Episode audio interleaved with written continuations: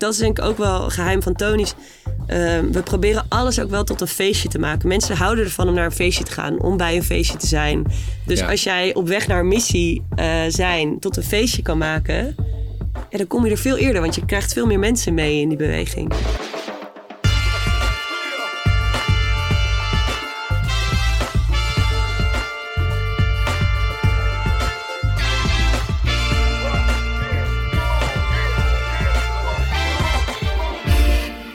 Goedemorgen, goedemiddag, goedenavond of wanneer je dit ook luistert. Welkom bij The Brief, een podcast over merken, marketing en content van Wayne Parker Kent. Mijn naam is Gerben van der Rijt Ik ben Charlotte van Dijk. en vandaag hebben we Bibianne Roeter te gast. En zij is marketingmanager Benelux bij Tony's Chocolonely. Char, denk jij dat de baan die Bibianne heeft, hè, denk je dat dat de meest felbegeerde marketingjob van Nederland is? Een beetje, beetje vergelijkbaar met coach zijn van, van Ajax? Nou, ehm, dat van Ajax, dat weet ik nog niet zo zeker.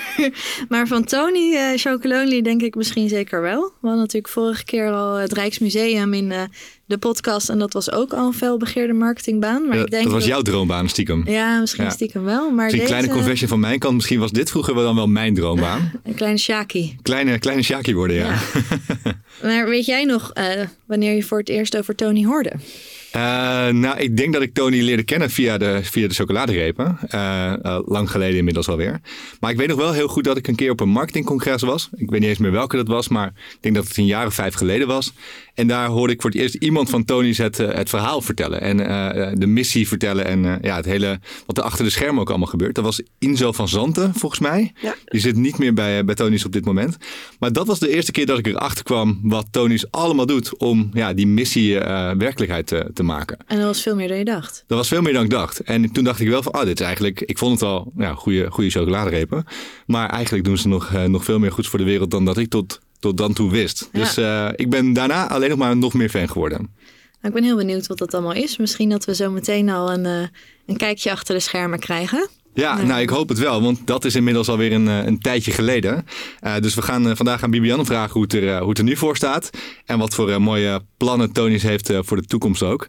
Maar goed, voordat we daarmee gaan beginnen, eerst even een kleine, kleine uitgebreide introductie. Bibianne Roeter heeft overduidelijk een voorliefde voor grote Nederlandse merken. Ze liep stage bij Ahold, werkte voor Calvé en Unox en heeft inmiddels een baan waar menig marketeer jaloers op is. Ze is marketingmanager Benelux bij Tony Chocolonely. En dat konden we van mijlenver zien aankomen. In haar tijd bij Unilever stond ze al in de duurzame jonge 100. En tijdens haar master marketing schreef ze, schreef ze zelfs een scriptie over chocolade. In haar tijd bij Unilever stond ze al in de duurzame jonge 100. En tijdens haar master marketing schreef ze zelfs een scriptie over chocolade. De wereld is misschien niet eerlijk verdeeld, maar dat zij en Tony elkaar hebben gevonden was meant to be. Nu wil ze het liefste dat mensen stoppen met chocolade eten. Klinkt paradoxaal, maar het is wel de beste manier om armoede en kinderarbeid uit de cacao-industrie te bannen. En dat blijft de belangrijkste missie van Tony's. Wat maakt Tony's nou zo speciaal? Wat kan er beter? En wat kunnen marketeers van gewone bedrijven van het chocolademelk leren? Tijd voor een mooi en eerlijk gesprek over een oneerlijke wereld. Welkom, Bibianne. Dankjewel. Wat een mooie intro. Ja, En leuk dat jullie er zo diep ingedoken zijn. Zelfs de scriptie komt naar voren. nou, het stond gewoon op je LinkedIn, dus het was niet heel erg verstopt. Leuk. Maar chocola is al heel lang een passie van je. Eh, ja, ik hou gewoon ontzettend van chocolade. Dus Ja, ik zit niet, hè? eigenlijk elke dag zit ik in een soort van eh, he- ja, chocoladehemel. Ja. Ik eet dus ook heel veel chocolade. Ah, Ja. heerlijk. Ja, ik kan me voorstellen dat je wat dat betreft niet de enige bent ook op kantoor die alleen maar eh Tony's aan het eten is ook. En wij ook, alleen werken wij niet voor Tony's. Nee, wij, wij doen iets verkeerd. Doen- Hey, en ehm, we hadden een voorgesprek en toen eh, gaf je aan dat, eh, eh, ja, dat, je, dat je een paar afleveringen had geluisterd. En toen zei je van ja, ik heb hier met eh, Steven Tol van uh, Oatly geluisterd en met Valentijn van Zandvoort van Holy. Eh, en eigenlijk dachten wij toen van oh ja, jullie hebben met elkaar gemeen dat je werkt als marketeer voor een merk met een missie. Maar jullie, jullie hadden toch een andere link, vertelde je. Ja, ik ken een eh, uit Groningen. Dus ik zei al, ik weet niet wat er in Groningen in het, eh, in het drinken zit. Laat ik het zo zeggen. Eh, maar ja, uiteindelijk creëert het wel heel missiegedreven marketeers en ondernemers. Dus dat is wel heel tof. Ja, Ja, een bron waar we trots op mogen zijn. zeker. Zeker. Ja. Hey, en nog iets voordat we beginnen met, met de vaste rubriek en het interview. Prinses Creatrix. Waar komt dat vandaan? Ja, dat is mijn titel. Dus eigenlijk iedereen die bij Tony Chocoloni komt werken, die eh, krijgt een titel gebaseerd op hetgeen eh, dat hij doet. Dus een beetje gelinkt aan je, aan je functie. Ja. Ehm, ja, we hebben een heel creatief team intern. En zij kwamen terug met Prinses Creatrix. En het is, ik snapte het zelf eerst niet. Dus ik dacht, Creatrix, hm. Ja. Maar ik legde de klemtoon verkeerd. Maar het is vanuit Prinses Beatrix. Ja, Creatrix. Zodoende. zodoende. Ja. Oké, dus iedereen heeft ook zo'n titel bij jullie op kantoor. Iedereen heeft een Tony's titel, ja. En als jij dan straks weggaat als, als ooit, wellicht, misschien ook nooit, maar stel de volgende marketingmanager Benelux, die krijgt weer dezelfde titel of mag die zijn eigen titel bedenken? N- Nee, je mag eigenlijk niet je eigen titel bedenken. En je titel is uniek. Dus je krijgt gewoon een compleet nieuwe titel. Oké. Verzonnen door een groepje Tony's. Die worden ook altijd met heel veel eh, zorgvuldigheid gekozen. Ja. je je titel bedenken, ja. En waar komt het stukje prinses vandaan? ja, dat is een goede vraag.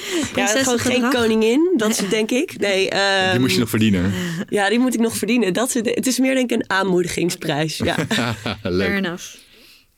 Nou, we hebben natuurlijk eigenlijk elke aflevering eh, een vaste rubriek. En dat is de beste content. Ja. En daarin vragen we elke gast... wat is de beste content die jij afgelopen tijd gezien, gehoord, gelezen hebt? Ehm, dus ja, we zouden deze vraag ook graag aan jou willen stellen. Ja, ja eh, ik heb natuurlijk eh, goed in de gaten gehouden. Er, er verschijnt zoveel content eigenlijk. Eh, je wordt doodgegooid met content. Maar iets wat ik deze week zag en wat me opviel op LinkedIn...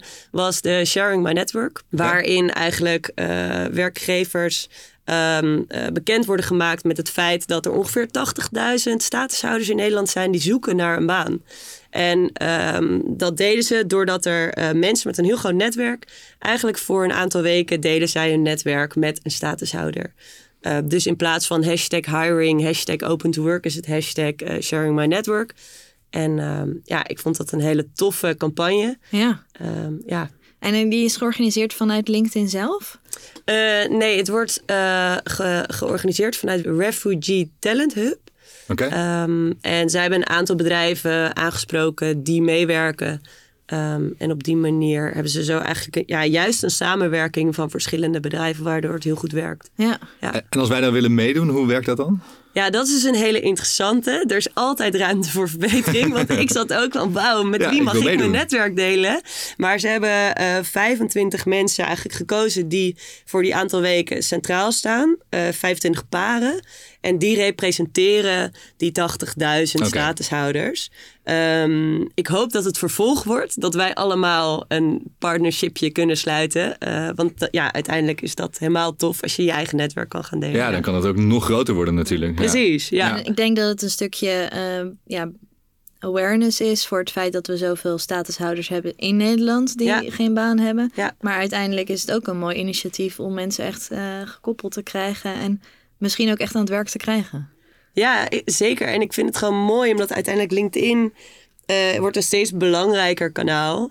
En daarin staat eigenlijk die ongelijkheid best wel centraal. Want er zijn gewoon mensen met een heel groot netwerk en mensen met een kleiner netwerk. Ja, het wordt heel zichtbaar ook. Het wordt super zichtbaar. ook. en juist daarop inspelen, ik vind het heel slim gedaan. Ja. Ja. Mooi, mooi initiatief. Ja, zeker. Dank voor je tip dus. We, we zetten hem... eh, ik, had, ik, had, ik heb nog zoveel vragen, maar ik weet dat we ook nog heel veel vragen hebben bij het interview. Dus laten we gewoon lekker doorgaan.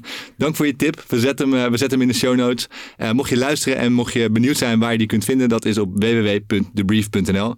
Daar zetten we een linkje naar deze beste content tip van Bibianne. En ook linkjes naar alles wat je zo meteen gaat horen. Dan is het nu tijd voor het interview, maar eerst even dit. Ben jij fan van The Brief en denk je... hey, ik wil ook bij dat vette bureau werken? Dat kan. We zoeken bij Wayne Parker Kent nu meerdere creatieven. Van copy tot art, je bent meer dan welkom. Kijk op wayneparkerkent.com voor de vacatures. En je hebt aardig wat jaartjes bij Unilever eh, rondgelopen. En we begrepen dat je daar eigenlijk ook al bezig was met duurzame marketing. Ehm, neem ons eens mee. Wat heb je daar allemaal gedaan? Eh, ik begon, nou dat is nu meer dan tien jaar geleden, ehm, als marketing trainee bij Unox. En dan was ik verantwoordelijk voor de ragout en de leverpastei, onder andere. Heel sexy, maar niet heus. Ehm, maar ik realiseer me daar al best wel snel dat ik heel veel grote volumes ook vlees uh, uh, ja, kon verkopen. Dus ik ben toen eigenlijk al mijn allereerste rol gaan kijken van... oh ja, wat voor opties zijn er uh, als het gaat over beter vlees? Dus zo ben ik eigenlijk uh, in mijn allereerste baan al begonnen met het omzetten van de kipknakworsten... van normaal vlees naar beter leven vlees. Daardoor kreeg ik iets van 250.000 kippen een beter leven. Um, dus toen dacht ik, oh, dit is tof. Want hier zit echt een uh, hele positieve dynamiek. een heel, uh, je sluit aan bij de bewustere consument. Maar je hebt ook een mooi haakje, een positief haakje om over te vertellen over je merk.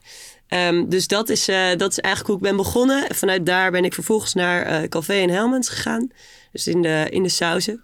Ja, mijn lievelingsmayonaise. Ja, heel goed. Zeker. Ja, ja, Daar heel veel geleerd, ook vooral over de organisatie en hoe het nou eigenlijk werkt. Uh, vanuit uh, een lokaal team samenwerkend met een global team. Helmens is natuurlijk echt een 1 miljard, meer dan een miljard dollar brand.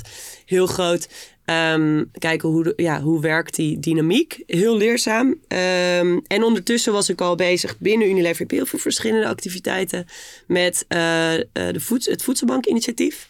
Dus elk jaar uh, heeft Unilever pakt ze kerstpakketten in voor mensen die afhankelijk zijn van de voedselbank. Begon in Rotterdam en uiteindelijk um, hebben we het met ons team opgeschaald naar heel Nederland. Dus iedereen die aangesloten was bij de voedselbank kreeg een kerstpakket. Uiteindelijk is samengewerkt met, uh, met alle Rotterdamse bedrijven, veel Rotterdamse bedrijven om dat in te pakken en uit te delen. Heel tof. En toen merkte ik van ja, dit is wel mooi. Als je bij een groot bedrijf zit kan je dus ook hele positieve dingen doen en daar het, het leven van heel veel verschillende mensen een stukje beter mee maken. Ja, best wel snel ook impact maken. Best ja. wel snel impact maken, ja. Dus dat, dat vond ik heel gaaf. Vervolgens ben ik naar Lipton Ice Tea gegaan um, en uh, uh, daar gekeken. We verkochten gewoon heel veel plastic flessen. En uh, op een gegeven moment realiseer je dan dat hetgeen wat je de hele dag doet is uh, ja, eigenlijk water met uh, plastic eromheen verkopen. En toen dacht ik, ja, hoe kunnen we dat nou beter en hoe kunnen we dat anders doen? En uiteindelijk gekeken naar een, een, duurzamere verpakking. En dat was gerecycled pet, dat uitgerold. Nou, en op die manier kwam ik erachter dat Um, alles wat je leert, ook hoe langer je bij zo'n groot bedrijf zit, uh, hoe groter je invloed eigenlijk kan worden en hoe groter je impact daarmee kan worden. Dus um, ja, dat was gewoon een hele waardevolle les. Ja, mooi. Ja. En want ik denk ook wel, als ik dat dan zo hoor, dat je eigenlijk al vanaf je traineeship hiermee bezig was. Uh, dan vraag ik me wel af, ja, waar komt dan die drang voor die duurzaamheid vandaan? Want je was eigenlijk nog ver op de trend vooruit. Uh, waar, waar zat dat bij jou erin? Ja, ik denk dat het, dat het gewoon echt in mezelf zit. Ik denk ook wel dat het een stukje opvoeding is. Van ga verantwoordelijk om met hetgeen wat je hebt en met hetgeen waar je verantwoordelijk uh, voor bent. Uh, en zoek daarin ook altijd naar de, naar de beste optie. Ik denk dat dat iets is letterlijk vanuit mijn opa's tijd. Die gewoon zei, eet je bord leeg. Want als je ja. het weggooit, ja, er zijn gewoon mensen die dit niet hebben. Ja. Dus wees je daar bewust van. En dat stukje bewustzijn heb ik gewoon geprobeerd ook om in hetgeen waar je de meeste tijd per dag mee bezig bent, namelijk je werk toe te passen. Ja, eigenlijk een beetje een common sense. Maar ik kan me wel voorstellen natuurlijk dat als je bij een Unilever terechtkomt, dat het dan, ja, daar lopen gewoon vaste pro processen en uh, jij komt daar binnen en dacht, nou, we gaan het even helemaal anders doen. Ja, wat tof ja. dat je die vrijheid hebt gekregen. Heel tof. Ja, ja, ja, ja. Nee, ja, zeker. Want alleen kan je niks, hè. Dus uiteindelijk heb je de mensen om je heen nodig uh, die, die jou de, de verantwoordelijkheid geven, die je meehelpen, uh, die de mogelijkheden scheppen. Ja, zeker. Ja. Heel tof. Maar dan gaan er natuurlijk ook wel eens dingen mis. Zeker. Wat, kan je een voorbeeld geven van wat er bij Unilever, bij jou in ieder geval, uh, niet helemaal van de grond kwam? Nou ja, er zijn ook wel kijk, je moet uiteindelijk proberen. Uh, je moet alles proberen. En soms gaan er dingen inderdaad gaan er niet vliegen. Uh, dus uh, ik heb ook gewerkt voor Be Better. Dat was een watermerk in een duurzamere verpakking. Ontzettend goed idee. Er zat ook verschillende voedingsstoffen bij. Vitamines zaten er in het water. Dus eigenlijk ja, een gezonde vorm van water. Um, maar het moment dat we dat introduceerden was midden in COVID. Um, de plannen die we hadden waren heel erg gericht op sampling, onder andere. Nou, we mochten de deur niet uit. Uh, en dan merk je eigenlijk hoe hard de wereld van retail is als je een beginnend merk bent. Als je niet roteert, dan word je gewoon van het schap geknikkerd. En dat is eigenlijk wat er gebeurde. Dus uh, je hebt ja. het schap nog wel gehaald. Zeker, zeker. Het schap gehaald. En um, we hebben zelfs de televisie gehaald. Dus we hebben zelfs een tv-commercial gehaald, gemaakt. Um, en ook dat was heel leerzaam. Want eigenlijk binnen Unilever werk je met grote merken, grote budgetten. En in één keer um, ga je een, een merkje wat nog niet de gevestigde orde is in de markt zetten. Hele andere learnings, hele andere dynamiek. Ja. En toen kreeg je dus de baan waar bijna elke marketeer in Nederland, volgens ons in ieder geval, van droomt.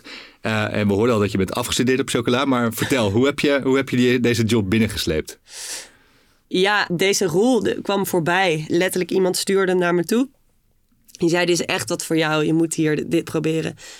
En ik dacht gewoon, ik ga dit proberen. En ik zie wel, want ik heb een hele... Op dat moment werkte ik bij Unox. Ik had een hele leuke rol. Ik, zat er, ik kon ook veel impact maken. Dus ik had er naar mijn zin. Maar voelde wel, als ik dit niet probeer... dan ga ik er echt spijt van krijgen. Ja. En ja, ik heb me gewoon heel goed ingelezen. En heel, heel veel vragen ook wel gesteld. Want uiteindelijk, ja, iets verlaten voor iets waarvan je niet zeker weet wat het je gaat bieden, is dat toch best wel een risico. Dus ik heb gewoon heel veel vragen gesteld, toch wel kritisch opgesteld. En ik denk dat dat ook is wat, wat bij Tony's juist heel erg gewaardeerd wordt. Als je je kritisch opstelt en juist dingen bevraagt, dat waarderen mensen heel erg. Ja, ik kan me ook voorstellen dat dat wel past bij de mentaliteit van het, het merk en het bedrijf ook. Ja. zeker. Ja. Hey, en na Albert Heijn, Unox, Café, weer een groot Nederlands merk. Iets jonger deze keer. Waar komt die voorkeur vandaan voor die, voor die mooie Nederlandse merken? Ja, um, ik denk toch wel dat het feit dat je.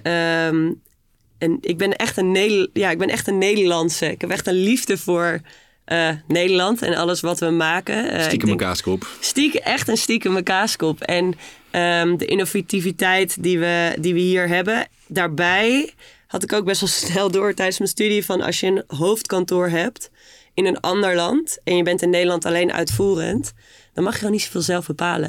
En ik ben toch best wel een beetje een eigenwijs uh, ding. Dus ik hou er gewoon ook wel van als je gewoon zelf richting mag bepalen. Ja. En daar ja. komt het allebei samen in een Nederlands merk. Ja, ik kan me voorstellen. Hey, laten we langzaam maar zeker een beetje wat dieper in gaan zoomen op, op Tonis. Uh, voor wie het verhaal niet kent, en ik weet niet of dat uh, veel luisteraars zijn, maar goed, voor de zekerheid. Kun je kort vertellen hoe Tonis is ontstaan en wat de, wat de missie is van het merk? Ja, um, dus eigenlijk 17 jaar geleden toen uh, Teun van de Keuken, die werkt voor Keuringsdienst van Waarde. Nou, waarschijnlijk kennen de meesten hem. Um, en hij had wat gelezen over misstanden in de cacao-industrie. En hij is er achteraan gegaan en hij vond eigenlijk uit dat er uh, nog steeds meer dan anderhalf miljoen kinderen um, werkten onder illegale omstandigheden. En ongeveer 30.000 slachtoffers van moderne slavernij waren. Um, en op dat moment was hij daar eigenlijk zo verbolgen over van... Hè, maar waarom weet ik dat niet? Dus hij is erin gedoken op zijn typisch teun van de keukens. Iedereen gebeld. En iedereen zei, ja, dat is gewoon zo in de cacao-industrie. Dus uh, ja, we moeten daar maar gewoon mee doen. En dat heeft hij niet geaccepteerd. Dus hij heeft zichzelf eerst aangegeven bij de politie. Letterlijk van, ik ben, um, uh, ik ben een chocoladecrimineel. Ik, ben, ik weet dat er uh, misstanden schuil gaan achter mijn chocoladereep. Maar toch heb ik hem gekocht. Wil je me oppakken? Ja, uiteindelijk is een zaak geworden. Maar die is wel, hij is wel vrijgesproken. Omdat ze zeiden, ja, we kunnen niet traceren dat die cacaobonen van de boerderij waar jij die misstanden hebt gezien, ook echt terug te herleiden zijn tot de reep die jij hebt gekocht. Dus eigenlijk het gebrek aan traceerbaarheid heeft ervoor gezorgd dat hij niet uh, veroordeeld kon worden. Dus hij dacht, oké, okay, op deze manier is het niet gelukt. Weet je wat, ik word onderdeel van het probleem. Um, ik ga zelf chocola maken, zodat ik onderdeel kan worden van de oplossing. Ja. Uh, om het uiteindelijk echt op een andere manier te gaan doen. En dat was de allereerste keer. Toen heeft hij de eerste repen uitgedeeld tijdens de première van uh, Charlie and the Chocolate Factory. Die ging toen in Nederland in de première. Daar zijn heel veel repen uitgedeeld. En eigenlijk binnen no time was, was het op. Dus toen, uh, toen is het balletje gaan rollen, ja. ja en, en wat is dan die belangrijkste missie? Wat, hoe omschrijven jullie die? Eigenlijk de belangrijkste missie is om die misstanden die Teun destijds al heeft aangetroffen. Dus de moderne uh, slavernij en de illegale kinderarbeid in de chocoladeindustrie volledig, uh, ja, eigenlijk volledig op te lossen. Dus 100% uh, slaafvrije chocolade de norm te maken. En dan wereldwijd. En we realiseren ons ook dat dat kan je niet alleen. We hebben slechts een klein percentage van de totale cacao-industrie. Dus dat is echt iets waar we samen uh, met andere partners mee moeten werken. En zelfs samen moeten werken met de grote chocoladebedrijven. Um, omdat ook zij hun manier van werken moeten aanpassen. Ja. En dat hebben jullie gedaan in de vorm ook van Tony's Open Chain. Ja, Kan je klopt. daar meer over vertellen? Ja, Tony's Open Chain, dat is eigenlijk... ehm, laat ik beginnen met waar het op gebaseerd is. Dat is eigenlijk de samenwerkingsprincipes. Dus ehm, wij als Tony Chocolonely hebben dus een hele mooie missie. Maar ehm, hoe bereik je die dan? Dan moet je ook echt wel een andere manier van inkopen eh, hebben. En dat is eigenlijk dat we eh, vijf samenwerkingsprincipes hebben opgesteld. Waarvan die 100% traceerbaarheid... eh, dus de reden dat teun niet veroordeeld kon worden, is eigenlijk het belangrijkste. Dus we weten eh, waar de cacaobonen vandaan komen, zodat we de boeren uiteindelijk een hogere prijs kunnen betalen. Dus dat betalen ongeveer 80% meer dan andere chocoladeproducenten. Ehm, we werken samen voor minimaal vijf jaar. Dus niet dat je na een jaar gewoon naar de volgende gaat, maar echt we zeggen: oké, we gaan hier investeren zodat je kan investeren in de boerderij en in het onderwijs van je kinderen. Ehm, en daarbij eh, helpen we boeren om samen sterker te staan en investeren we in kwaliteit en productiviteit. Dus dat is eigenlijk een heel programma waar wij heel veel tijd en moeite in hebben geïnvesteerd om dat op te zetten. Waarvan we zeiden: ja, als we dat toch al hebben, laten we dan delen met anderen. En ehm, nou, dat is Tony's Open Chain geworden. En dat geeft eigenlijk eh, andere chocoladeproducenten de mogelijkheid om met diezelfde principes hun cacao in te kopen. En werkt dat? Als in van, zijn er veel bedrijven die hier om staan te springen? Ik kan me ook voorstellen dat als jij je, je chocola al jaren op een vrij goedkope manier maakt en dat verkoopt goed, dat je misschien niet staat te springen om ineens, nou ja, in ieder geval 80% meer aan boeren te betalen. Ja. Nou ja, dat is ook precies de uitdaging. Ik denk het mooie is dat het, eh, het initiatief is begonnen in samenwerking met Albert Heijn. Dus ehm, ja, eigenlijk een hele grote retailer die zei: Ja, wat jullie doen, dat is eigenlijk, dat zou mogelijk de oplossing kunnen zijn. Kunnen we dit niet samen doen? Ehm, dus Delicate, dus alle chocolade van Delicate van Albert Heijn is ook samen met Tony's Open Chain ingekocht.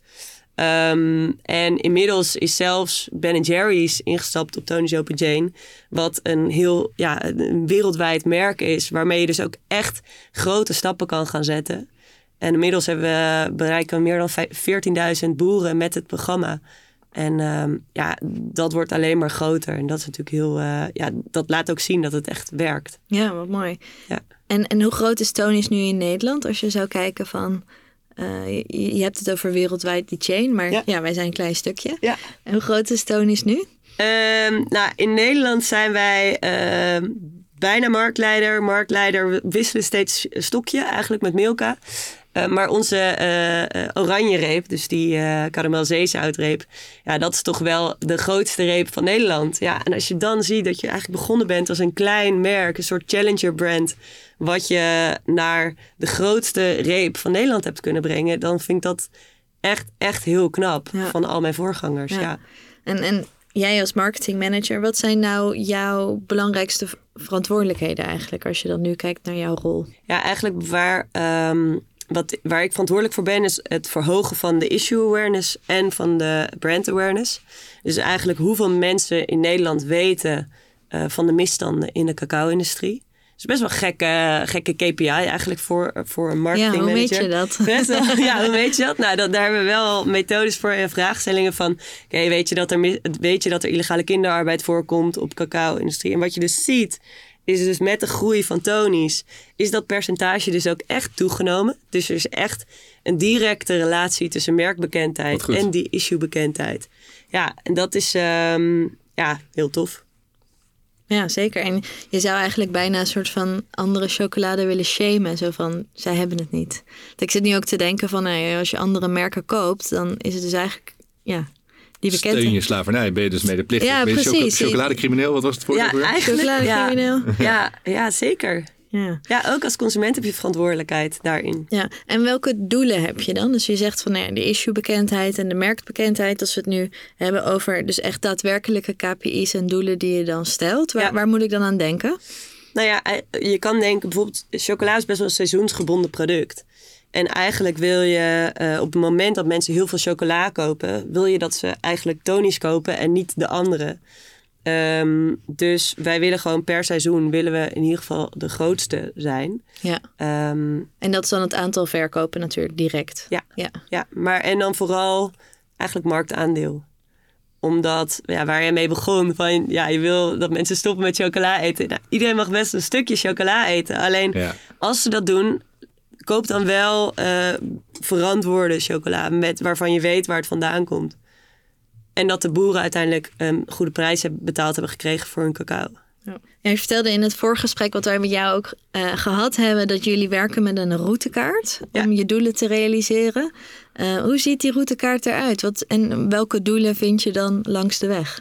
Ja, goede. Uh, goeie. We hebben inderdaad een routekaart, wat het voor mij ook best makkelijk maakt. Want er is een kaart die je kan volgen. Um, maar die kaart is ook door iedereen te kopiëren. Elk merk zou dit in principe kunnen doen. Het begint met het verhogen van het bewustzijn rondom het probleem. En voor ons is dat dan het probleem van armoede in de cacao-industrie, waardoor illegale kinderarbeid en moderne slavernij ontstaat. Um, de tweede stap is het goede voorbeeld geven. Dus zelf zorgen dat de manier waarop je cacao inkoopt ook echt bijdraagt aan een oplossing van het probleem. En de derde stap is het inspireren van anderen, andere merken, om te volgen wat jij doet. Dus de manier waarop wij dingen doen, proberen altijd net een beetje anders te doen. En inspirerend en leuk, zodat andere merken denken: shit, waarom heb ik dit niet? En dan op die manier toch ook gaan denken over uh, hoe zij hun cacao inkopen en ons gaan volgen, hopelijk. Ja. En is dat inspireren dan voornamelijk uh, door te laten zien hoe jullie het doen? Of gaan jullie ook echt in gesprek met andere producenten? We gaan ook echt in gesprek. Dus we hebben een heel team op Tony's Open Chain. Um, die uh, dagelijks uitnodigingen uitsturen naar elke chocoladeproducent. Dus als er nu chocoladeproducenten luisteren die nog geen uitnodiging hebben gehad, stuur dan een bel mailtje. ja, ja, ja, bel, bel. Um, maar in principe heeft iedereen al een keer een mail gehad van Tony's Open Chain van jongens, uh, wij hebben dit, wij kunnen jullie helpen, um, doen jullie mee? En um, uh, op die manier ja, proberen we dus ook wel de transitie eigenlijk te versnellen. Want je kan wel zeggen, jongens, verander je manier van inkoop. Maar als je gewoon als groot bedrijf ook niet zo goed weet hoe het moet, waar moet je dan beginnen? En dat is wat we proberen te laten zien door Tony's Open Chain. Ja, oké, okay, dus jouw verantwoordelijkheid ligt vooral rondom het issue, uh, de issue awareness. Ja. Nou, dat kan je waarschijnlijk door allemaal onderzoeken meten, denk Klopt, ik, die ja. uh, service die je dan doet. En echt de merksbekendheid. En dat zit dan voornamelijk in het marktaandeel ook. Ja, waar klopt. je dan weet. Klopt. En het goede voorbeeld geven uiteindelijk ook wel in de producten die we maken. Um, ja, moeten we altijd wel kijken naar, oké, okay, hoe is de balans van cacao? Um, en hoe is de balans van melkpoeder bijvoorbeeld? Dus ja, daar zit ook wel uh, een stukje verantwoordelijkheid. Ja. ja. En gebruik je daar veel mediabudget in? Want zet je dat veel in, in, in jouw marketingmix om dit allemaal bekend te maken? Ja, ik denk dat ik de marketingmanager ben met de minste budget die jullie ooit gehad hebben. ja, want in principe is Tony's echt ontstaan vanuit, uh, ja, vanuit PR. Dus uh, uh, vanuit, vanuit het nieuws, vanuit, vanuit de media zelf, het verhalen zelf maken. Um, dat is ook waarop het merk groot geworden is. Um, en we geloven dus heel erg in het bouwen van directe relaties. Directe relaties nou, met jou bijvoorbeeld. Als Inzo vertelt over het verhaal, dan, dan begrijp je het beter. Ja. Um, maar ook uh, het, bouw, het, bouwen van een directe relatie met een journalist. Door hem een verhaal te geven wat hij kan delen. Um, dus ik heb in die zin heb ik weinig marketingbudget. Gaat het meer over hoe vertellen we het verhaal op zo'n manier... dat we daarmee eigenlijk ook waarde creëren voor de verteller... Uh, zodat het voor hem interessant wordt om door te vertellen. Ja, en los daarvan heb je natuurlijk heel veel chocola om weg te geven. Exact. We hebben heel veel chocola. Ja. Dat helpt. Nou ja, dat helpt ook. Ja, dat is uiteindelijk voor ons wel een manier ook om dingen voor elkaar te krijgen. Ja. ja. De verpakking is ook anders van een, van een Tony's reep. En die ziet er een beetje gek uit uh, ten opzichte van uh, veel andere repen. Wat is het idee da daarachter? Nou, eigenlijk toen het merk begon, uh, was de opdracht maken een reep die heel erg opvalt. En de melkreep is rood. Terwijl de kleurcodering voor melk was eigenlijk blauw en rood was eigenlijk puur. Heel irritant was dit in het begin. Heel irritant in het begin. Maar dat heeft de reden, want uiteindelijk is hij rood omdat rood is alarm. Rood is er is iets mis, chaos, um, uh, paniek, doe iets. En dat is de reden waarom die rood is. Er is iets mis in de cacao-industrie. Um, nou, hij heeft natuurlijk Tony Chocolonely, heel groot Tony's. Uh, Tony's is eigenlijk Teun van de Keuken, mm -hmm. uh, dan de Engelse naam. En Lonely vanwege zijn eenzame strijd in de chocolade-industrie. Dus Aha. Choco Lonely. Zodoende. En aan de binnenkant zit ook nog een, een geintje. Want onze reep heeft ongelijk verdeelde stukjes. Ja. Met een reden. Uh, omdat de chocolade-industrie ook ongelijk verdeeld is. Ehm, en als je heel goed kijkt zit en je haalt linksonder dat grote langwerpige stuk weg, dan is het de westkust van Afrika. En dat is eigenlijk de plek waar alle, de meeste cacao van de wereld vandaan komt. Ehm, dus, dus dat is eigenlijk de manier. Verborgen boodschap. De verborgen boodschap, ja. Leuk. Ja. Mooi. Nou, dat wist niemand. Hey, de, de missie van Tony's en de, en de merkpositionering zijn eigenlijk al sinds het begin af aan zijn, ze die, zijn die hetzelfde. Hoe moeilijk is, is het om consistent te blijven daarin? En om steeds weer datzelfde verhaal te blijven vertellen, te blijven verkondigen. En dat toch weer ja, ook originele nieuwe manieren te vinden om dat eh, te laten landen? Ja, ik denk dat het juist de kracht is ook van het merk. Omdat in al die jaren is de missie altijd hetzelfde gebleven. 100% slaafvrije chocoladeindustrie eh, eh, willen bereiken met z'n allen. En daardoor weet ook iedereen waar we voor staan. Eh, zowel mijn mede-Tony's als eh Choco-fans buiten. Dus iedereen weet waar je merk voor staat. Je verandert het niet. En het geeft ook veel richting in de keuzes die we moeten maken. Ehm, uiteindelijk vragen wij onszelf bij alles wat we doen af... draagt het bij aan de missie of niet? En als het eigenlijk niet bijdraagt aan de missie... Ja, dan moeten we het ook niet doen. Dat maakt ook budgetbeslissingen eigenlijk veel makkelijker. Eh, waar geef je geld aan uit? Ja, datgene wat uiteindelijk bijdraagt aan je Ja. missie.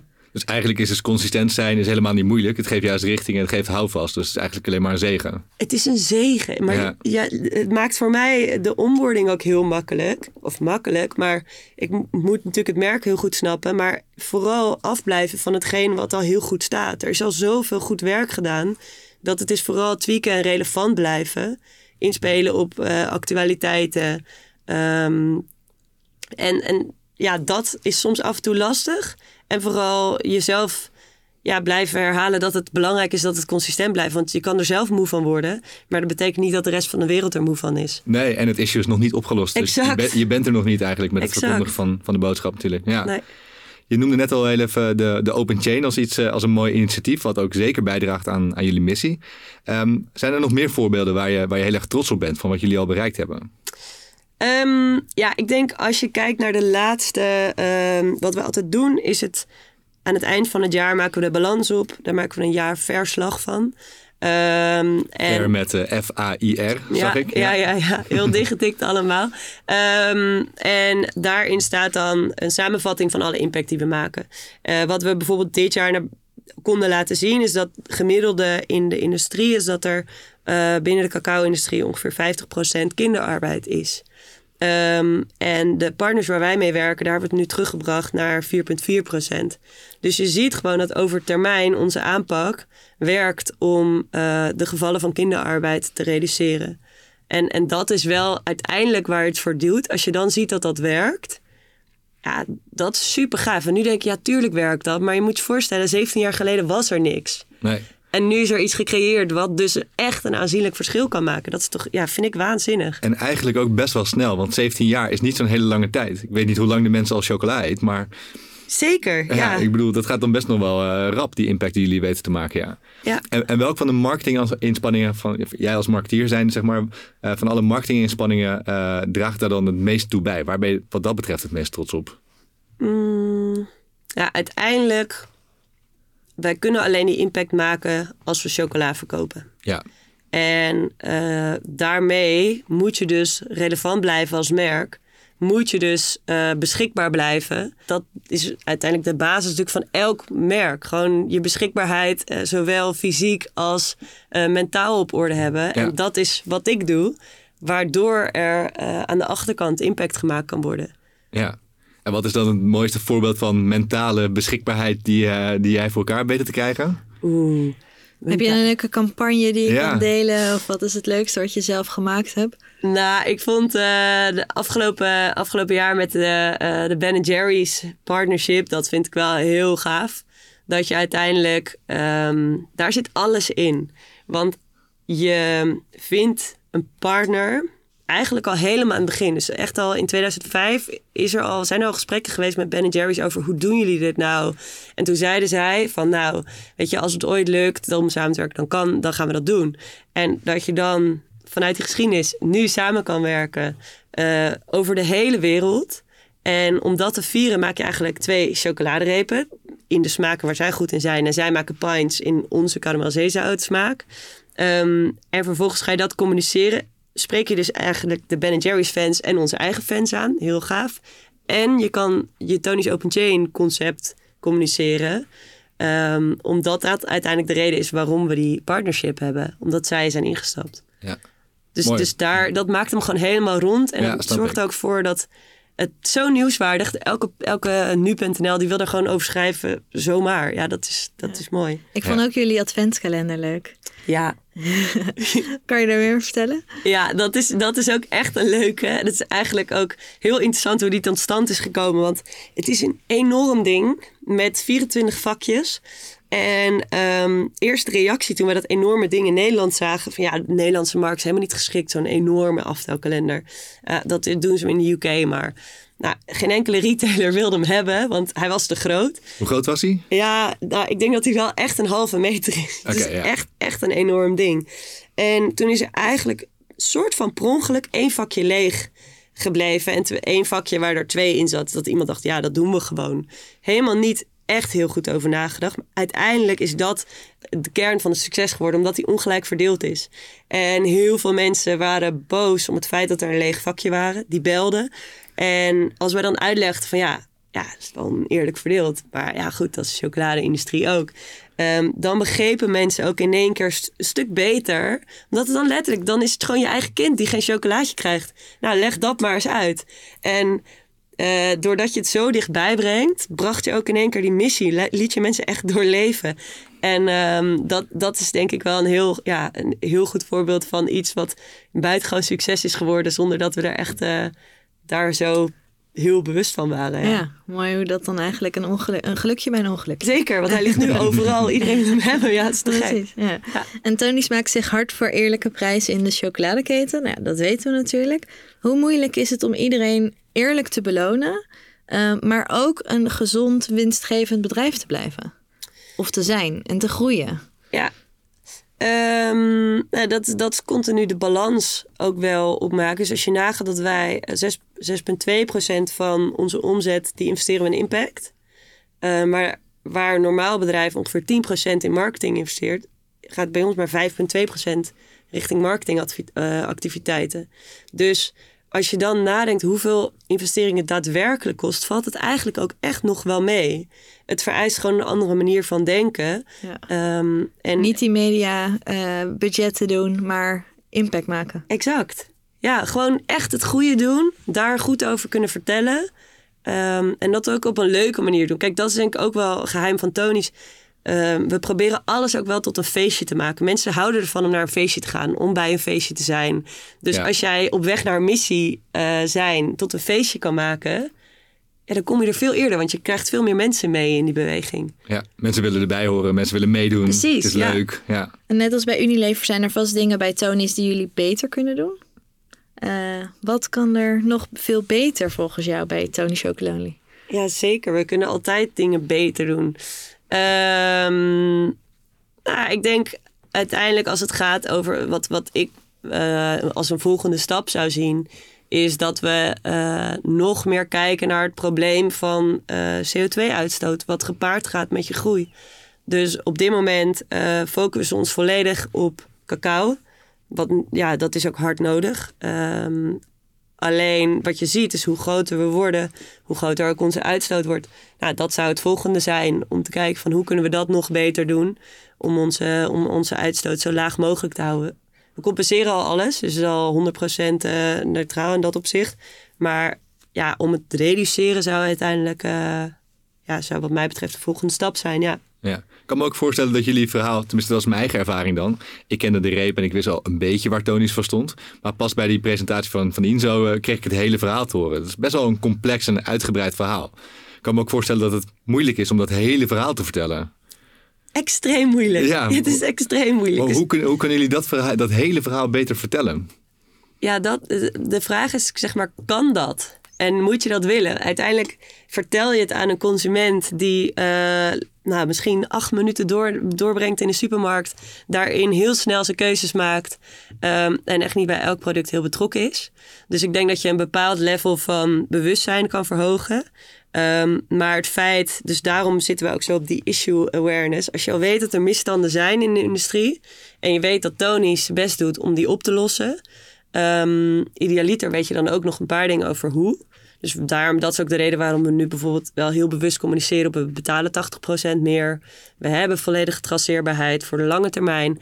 Dus ehm, je probeert eigenlijk die boodschap zo simpel mogelijk te maken. Maar je moet ook accepteren dat er bepaalde dingen zijn die wij doen. Zo gaat bijvoorbeeld 1% van onze omzet gaat naar de Chocolonely Foundation. Dat weten heel weinig mensen. Nee, nog Dat- nooit van gehoord. Nee. Dus dat lees je dan in ons jaarverslag. Ehm, maar dat doen we omdat we het belangrijk vinden. Ja. En je Ja. vertelde ook in het voorgesprek, jullie gaan ook echt langs bij alle boeren waar jullie mee samenwerken. Klopt. Ja, dat is ook gewoon zo'n effort alleen al om ja, te zorgen voor die traceerbaarheid en voor- te zorgen voor die eerlijke beloning. Dat, Ja. Ja. ja, en het voorkomen uiteindelijk van kinderarbeid. Want uiteindelijk zit daar. ehm, eh, dat is onderdeel van onze missie. En ehm, wat we doen door die bezoeken. Dus wij bezoeken elke eh, boer die aangesloten is bij de coöperatie. Dat doen we niet zelf. Dus we ga, ik ga daar niet zelf heen en zeggen: joh, werkt hier een kind? Nee, dat is iemand uit de gemeenschap. ehm, met, met aanzien en die heel erg eh, ja, serieus genomen wordt door iedereen daar. Die gaat langs en als die ondervindt dat daar een kind aan het werk is, dan wordt niet gelijk eh, een boer verstoten van de coöperatie. Maar dan, gaan, dan ontstaat het eerste gesprek van, goh, hoe kan dit? En ehm, als, je, als je bonen al tegen een hogere prijs worden eh, verkocht en eh, er wordt al geïnvesteerd in X, Y, Z, waarom heb je dan nog steeds eigenlijk je kinderen aan het werk als een vorm van goedkope arbeid? En soms zijn het simpele dingen, omdat gewoon een school te ver weg is voor een kind. En door zo'n gesprek kom je daar dus achter. En dan kunnen we dus ook op maat een oplossing bieden. Dus bijvoorbeeld, je kan denken aan fietsjes. We Ja. geven letterlijk fietsjes uit aan eh, eh, boeren, zodat hun kind naar school kan fietsen. Ehm, en, en dat zijn of eh, schoolboeken of een uniform. Of je, je kan het, zeg maar, het zijn vaak best wel simpele dingen in onze ogen waarmee je zoiets kan oplossen. En dan gaan we, we gaan ook drie maanden later echt terug om te kijken of het dan nog steeds, het kind nog steeds naar school gaat. Als dat zo is, gaan we drie maanden later nog een keer langs. En pas dan is eigenlijk, kunnen we zeggen, oké, het is opgelost. Ehm, en als je eigenlijk weer, als- het kind toch weer aan het werken is, ga je opnieuw die hele riedel in. En komt dat dan uit die foundation waar je het net over had? Nee, dit is eigenlijk dit is onderdeel van onze manier van werken. Dus dit is het Child Labor Monitoring Remediation System. Hele mond vol. Wij, noemen het gewoon CLMRS.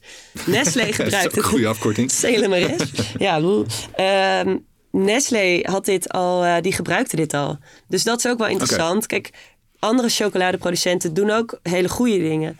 Dus dit is iets wat wij vanuit hen eh, ja, eigenlijk hebben afgekeken. Van oké, hoe kunnen we hier een partneren? En eh, dit is wat wij nu doen. Gewoon in onze standaard manier van werken. Onze standaard samenwerking met die coöperaties. Ja, en ik ben best wel onder de indruk van wat jullie dan doen als bedrijf om dit te doen. Eh, en het gekke is dan dat wij dan ook tijdens ons onderzoek erachter komen dat nou ja, het niet iedereen eh, op die manier ziet. En dat er in 2021 ook best wel wat negatief eh, nieuws rondom het merk kwam. En dat het misschien geschrapt zou zijn van de lijst van slaafvrije chocolade. Ja. Nou, dat, dat, dan denk je, hè, maar dat is toch helemaal de kern van het, van het merk. Ja, Ehm, jullie werden toen zelfs ja, ja, beschuldigd van greenwashing. En het was groot nieuws natuurlijk. ja. Wat heeft dat met jullie gedaan? En, en hoe ga jij daar dan mee om als marketingmanager? Ja, het is wel interessant, want uiteindelijk dat lijstje is verschenen. Dat is gemaakt door een dame in, eh, in de US, ehm, die haar eigen blog bij heeft gehouden. Eh, zij heeft op basis van eh, het feit dat wij samenwerken met Body Callebout, heeft zij gezegd: Oké, bij Body Callebout eh, is het niet helemaal in de haak. Tony Chocoloni werkt met hen, dus ze zullen ook daar schuldig aan zijn. En als ze iets beter had gelezen, had gezien dat wij juist met Body samenwerken. Omdat we met hen willen bewijzen dat ook op grote schaal mogelijk is om anders te werken. En dat we ons volledige eigen eh gesegregeerde eh, lijn hebben waar de cacao binnenkomt. Dus we hebben een Tony's Chocolonely silo bij Body waar al onze cacaobonen eh, tot confituren, dus tot vloeibare chocolade wordt gemaakt. Waar wij uiteindelijk de repen mee kunnen maken. Zodat ze niet samenkomen met de andere bonen van, eh van Body Callebout.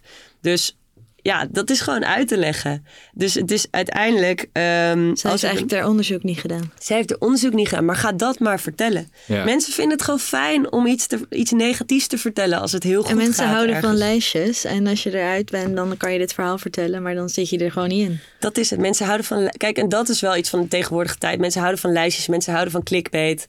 Ja, en Zo'n kop doet het goed natuurlijk. een kop ja. doet het goed. Dat maakt het heel lastig voor andere merken om transparant te zijn over dingen die niet goed gaan. Ja. En hoe zijn jullie hier dan zelf verder mee omgegaan? Want je zegt zelf al, ja, dat verhaal kan je eigenlijk niet echt vertellen. Dus een beetje Nee. als, als verliezer dat je dan zegt van, ja, maar, ja, maar. Ja. Hoe- Wat hebben jullie wel gedaan? Nou, rond dat moment. ehm, ik, ik werkte toen zelf nog niet bij Tony's, maar dat was hetzelfde jaar waarin we de Sweet Solutions campagne hadden. En ehm, dat was eigenlijk wel een mega eh, campagne waarin we eigenlijk vier repen op de markt hebben gebracht. eh, die een beetje leken op andere repen die je zou kunnen kennen. Klein Eh, beetje. klein beetje. en zo smaakten. Waar we eigenlijk tegen die grote chocolademerken zeiden van... jongens, het kan er zo uitzien. Het kan zo smaken. Eh, dus zorg nou gewoon dat je het eh, eh, zeg maar op die manier ook inkoopt. Want dan heb je echt goede chocolade. Ehm, en dat werd wel een groot succes. En op die manier probeer je dan toch ja, je verhaal net iets harder te vertellen. En net iets beter de duiding te leggen op hetgeen wat je beter en anders doet. En ook gewoon eigenlijk wel met een hele originele campagne door die neer te leggen met een knipoog. Het is, Ja. wel, het is wel de creativiteit die dan probeert te winnen Ja. van het slechte nieuws, zeg maar. Ja, ik denk dat dat altijd het leukste, de leukste manier van winnen is. Op een creatieve, knipogende Zeker. manier. Ja. Gewoon keihard te langs. Ja.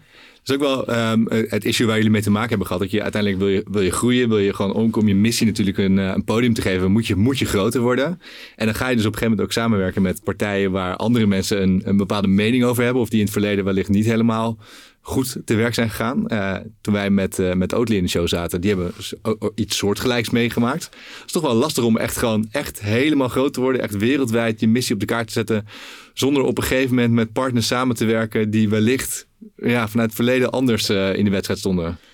Ja, dat, ja, en ik denk dat uiteindelijk wat, wat wij proberen te doen, maar wat Oatly denk ik ook probeert te doen, is een systeem veranderen. En binnen dat systeem heb je goede spelers. Nou, die willen allemaal meteen samenwerken. Maar uiteindelijk zit de winst, zit hem eigenlijk samenwerken Aan de met... dark side. Aan de dark side, ja. Ja. Maar dat is dus het toffe. Als je de dark side mee kan krijgen, dan, eh, dan is er misschien echt systeemverandering mogelijk. Ja, dat kan echt zo'n tipping point eh, worden natuurlijk uiteindelijk. Exact. Ja.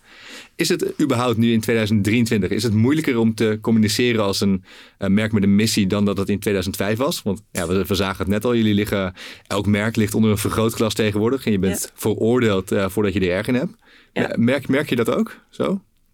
Ja, je merkt het wel. Kijk, uiteindelijk verkoopt een krant beter als er iets negatiefs in staat over iets wat iedereen leuk vindt. Ehm, dus die dynamiek is, eh, dat is gewoon nu aan de hand. Het, ik denk vooral wat wij proberen te doen is daar niet bang voor zijn en ons daar niet door te laten leiden. Want we weten dat wat wij vertellen, het klopt gewoon. Dus als je zeker bent van hetgeen wat je naar buiten brengt, dan, eh, dan is dat risico veel minder groot. En dat komt omdat wij allemaal die kennis hebben. Dus er wordt binnen Tony's heel veel geïnvesteerd in het vertellen van het verhaal, ook intern. Dus eigenlijk kan je elke Tony vragen van hoe zit het nou precies? Iedereen zal het weten. En dat is natuurlijk niet zo in elk bedrijf. Waardoor het best wel, ik kan me voorstellen dat het voor andere merken best lastig is om zo transparant te zijn. Omdat je soms ook als brandmanager, nou, weet ik het, brandmanager, eh eh be better dan, laat ik het zeggen. Weet je ook niet exact hoe het nou precies Waar zit. alles vandaan komt. Hoe het- ja. En dan is het moeilijk om een bold statement te maken. En wij weten eigenlijk exact hoe het zit. Dus het, ja, in die zin heb ik niet het idee dat het veel moeilijker is ehm, nee. dan het was. Nee. nee, ondanks dat de wereld toch wel er echt anders uitziet dan in 2005. Ja, Ja, mensen zijn natuurlijk wel bewuster, dus dat heb je dan misschien wel weer mee. Maar ja, daarnaast zijn er ook wel heel veel merken die ofwel ook bewuster zijn, ofwel in ieder geval doen alsof ze veel bewuster zijn. Dus je hebt ook wel meer concurrentie in het bewustere merkschap, zeg maar. Ja, en je hebt mensen die er gewoon lol uithalen om dit soort merken eh, op een foutje te betrappen. En ze publiekelijk aan de, aan de schandpaal te nagelen. ja. Ja, maar het is toch vet eigenlijk. Het is zo'n dynamische wereld Ja. waarin je moet opereren. Ja. dat maakt... Kijk, als het allemaal makkelijk was... Dan was het niet ik- leuk. Dan was het niet leuk. Nee, dus zeker. ik denk die dynamiek... eh, ja, maakt mijn baan gewoon elke dag wel echt leuk. Ja. Ja. En er luisteren vast ook mensen, eh, marketeers, die werkzaam zijn bij een corporate die, eh, of, of voor merkwerken die niet met een missie zijn, eh, zijn begonnen. Wat kunnen zij nou leren van, van Tony's en van jullie verhaal? Wat voor, ja, hoe kunnen zij ook beter doen?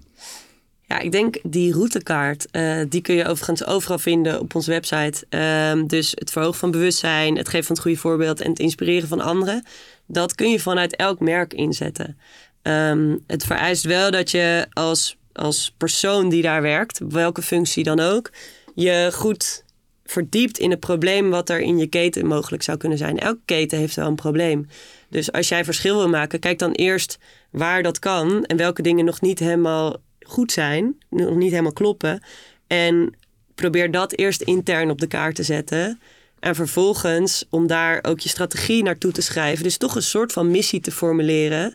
Ook al werk je inderdaad voor Lipton Ice Tea. Ja, op een gegeven moment hadden wij gewoon de missie. We willen voor 2023 willen we alle verpakking 100% recycled, van gerecycled pet hebben gemaakt. Ja, dat ging uiteindelijk hadden we het in 2021 voor elkaar. Ja. En dus het is ook, ook al heb je nog geen missie, kijk waar je verschil wil maken. Eh, neem andere mensen binnen je bedrijf eerst mee. Formuleer dan de missie en ga dan naar buiten. En begin, ja, inderdaad, begin ook gewoon intern. Exact. Ja, ja want uiteindelijk zijn we allemaal mensen eh, die ergens bij willen horen. En maar die ook niet precies. Niet iedereen kan van, altijd van alles weten. En als jij dan toevallig degene bent die het meeste weet, deel dan je kennis en eh, neem anderen mee op jouw missie. Maar ik denk dat natuurlijk heel veel mensen zijn die best wel beter willen doen. Maar dat je uiteindelijk als je een business case maakt, dat het niet per se eh, een beter plaatje wordt. Eh, als jij eh, zegt ik wil alles ineens pet en het is drie keer zo duur, Ja. dan, dan ga, moet je natuurlijk op andere manieren wel je business case rond zien te krijgen. Ja. Hoe, hoe zou jij die mensen willen inspireren om toch door te laten gaan? Ja, ik denk prijs bijvoorbeeld is vaak een reden waardoor mensen zeggen ja, het wordt duurder. Maar kijk dan welke elementen er nog meer in het spel zijn. Want uiteindelijk, misschien worden je kosten hoger, maar je waarde wordt ook hoger. Je waarde voor zowel de consument als voor de retailer, als binnen de categorie. Ehm, dus bekijk het altijd in de volledige context. Ehm, en probeer het ook echt als een soort eerste stapje binnen systeemverandering te zien. Eh, als je kijkt naar Café was de allereerste met vrije uitloopeieren bijvoorbeeld. Ja, dat was toen heel duur. Uh, maar uiteindelijk, doordat zij de eerste waren, er zijn zoveel mensen hen gevolgd. Het is inmiddels de standaard in mayonaise. Iedereen heeft vrije uitloopeieren in zijn, in zijn mayonaise. Dus je moet op een gegeven moment het lef hebben om gewoon de kosten te pakken. Uh, en ook gewoon te denken aan de langere termijn. Um, en, uh, en ook de waarde te zien van, van, ja, voor de consument in communicatie bijvoorbeeld. Er zijn heel veel mooie dingen al uh, ten tafel gekomen. We zijn natuurlijk heel erg benieuwd wat er het komende jaar eigenlijk, wat we nog kunnen verwachten. Kan je daar al een tipje van de sluier lichten? Ja, we zijn met allemaal nieuwe dingen bezig natuurlijk. Uh, nou ja, het is nu bijna Pasen. Dus je kan de paaseitjes weer, weer vinden in, in heel veel verschillende smaken. We hebben dit jaar wel Sinterklaas. Afgelopen jaar hadden we helaas, hebben we helaas geen Sinterklaas artikelen gehad. Maar komend jaar wel. Dus dat wordt, daar zijn we druk mee bezig alvast. En komen daar dan ook grote campagnes omheen? Dus of wat is jouw, wat jouw rol in deze thema's? Um, nou ja, in deze thema's is vooral te zorgen dat je de juiste producten hebt. Uh, en te kijken, oké, okay, hoe kun je die over de bühne brengen? En ja, grote campagnes, het, het gaan nooit hele grote above the line 360 campagnes worden. Dus het is meer, hoe kun je slimme manieren vinden om zoveel mogelijk mensen hierover te vertellen. En heb je al een slim maniertje gevonden? Uh, ja, zeker. Nou, ja, dus bijvoorbeeld, we hebben heel veel fans met een hele grote following. Ja, die proberen we toch altijd weer mee te krijgen in, ja, we hebben weer wat nieuws. Um, willen jullie delen en daarin ook te kijken van wat is de waarde voor hen om het ook weer door te delen. Dus dat is een van de, een van de middelen, ja. Oké, okay. beetje cryptisch nog, maar... Uh, Zeker. We gaan het in ieder geval in de gaten houden. Ja. En wat echt leuk is, we hebben 8 juni de, de fair. Dus we hebben vanwege COVID hebben we heel lang geen fair gehad. Uh, de fair is eigenlijk een moment waarop we ja, elk jaar terugblikken op het jaar ervoor. Um, maar nu hebben we hem in de zomer, 8 juni. En ja, dat wordt echt een heel groot uh, Tony Chocolonely feestje in de Westergassen. Kunnen, Leuk. Ja, iedereen kan er ook komen. Bij jullie dus kantoor vooral, in de buurt? Uh, ja, ja. Leuk. ja, dus houd het vooral in de gaten. Ja. En kan je dan heel veel gratis chocolade eten? Eh, er zal zeker genoeg chocolade zijn voor iedereen. Ja. Leuk. Nou, dan hebben we eigenlijk nog één laatste vraag. Maar dat was meer omdat we gewoon zelf heel erg benieuwd waren. Wat is nou jouw eigen favoriete smaak van Tony? ja, goede vraag. Ja, dan ga ik toch voor de hazelnoot crunch. Dat is de lichtgroene. Oké. En ehm, ja, het is een hele romige, een hele romige reep. En hij is heel goed. En we hebben hem toevallig nu ook in puur. Dus dat is de puur hazelnoot eh, crunch. En ja, dat, dat is gewoon mega ja, goede smaak. zie je genieten als je mondgevoel. ja. Waanzinnig. Ja, ik zou zeggen, eh, zoek hem op in die grote regenboog aan repen die er ligt. Probeer hem, ja. En Leuk. was dat altijd al je favoriet? Of is dat het geworden sinds je bij Tony's echt alles hebt gegeten? Ja, dat is wel sinds dat ik alles heb gegeten. Ja, ben je toch een beetje een fijnproever geworden? Zeker. Ik vind andere chocola ook niet meer lekker. Dat is heel, heel, ja, heel verwaand en snobistisch. Maar Ja. helaas het, Het is, geval. het is wat het is, ja. Ja. En is het ook gewoon werken... Ja, het is uiteindelijk je jeugddroom natuurlijk. Werken als marketeer in de chocola. Is het wat je ervan had verwacht?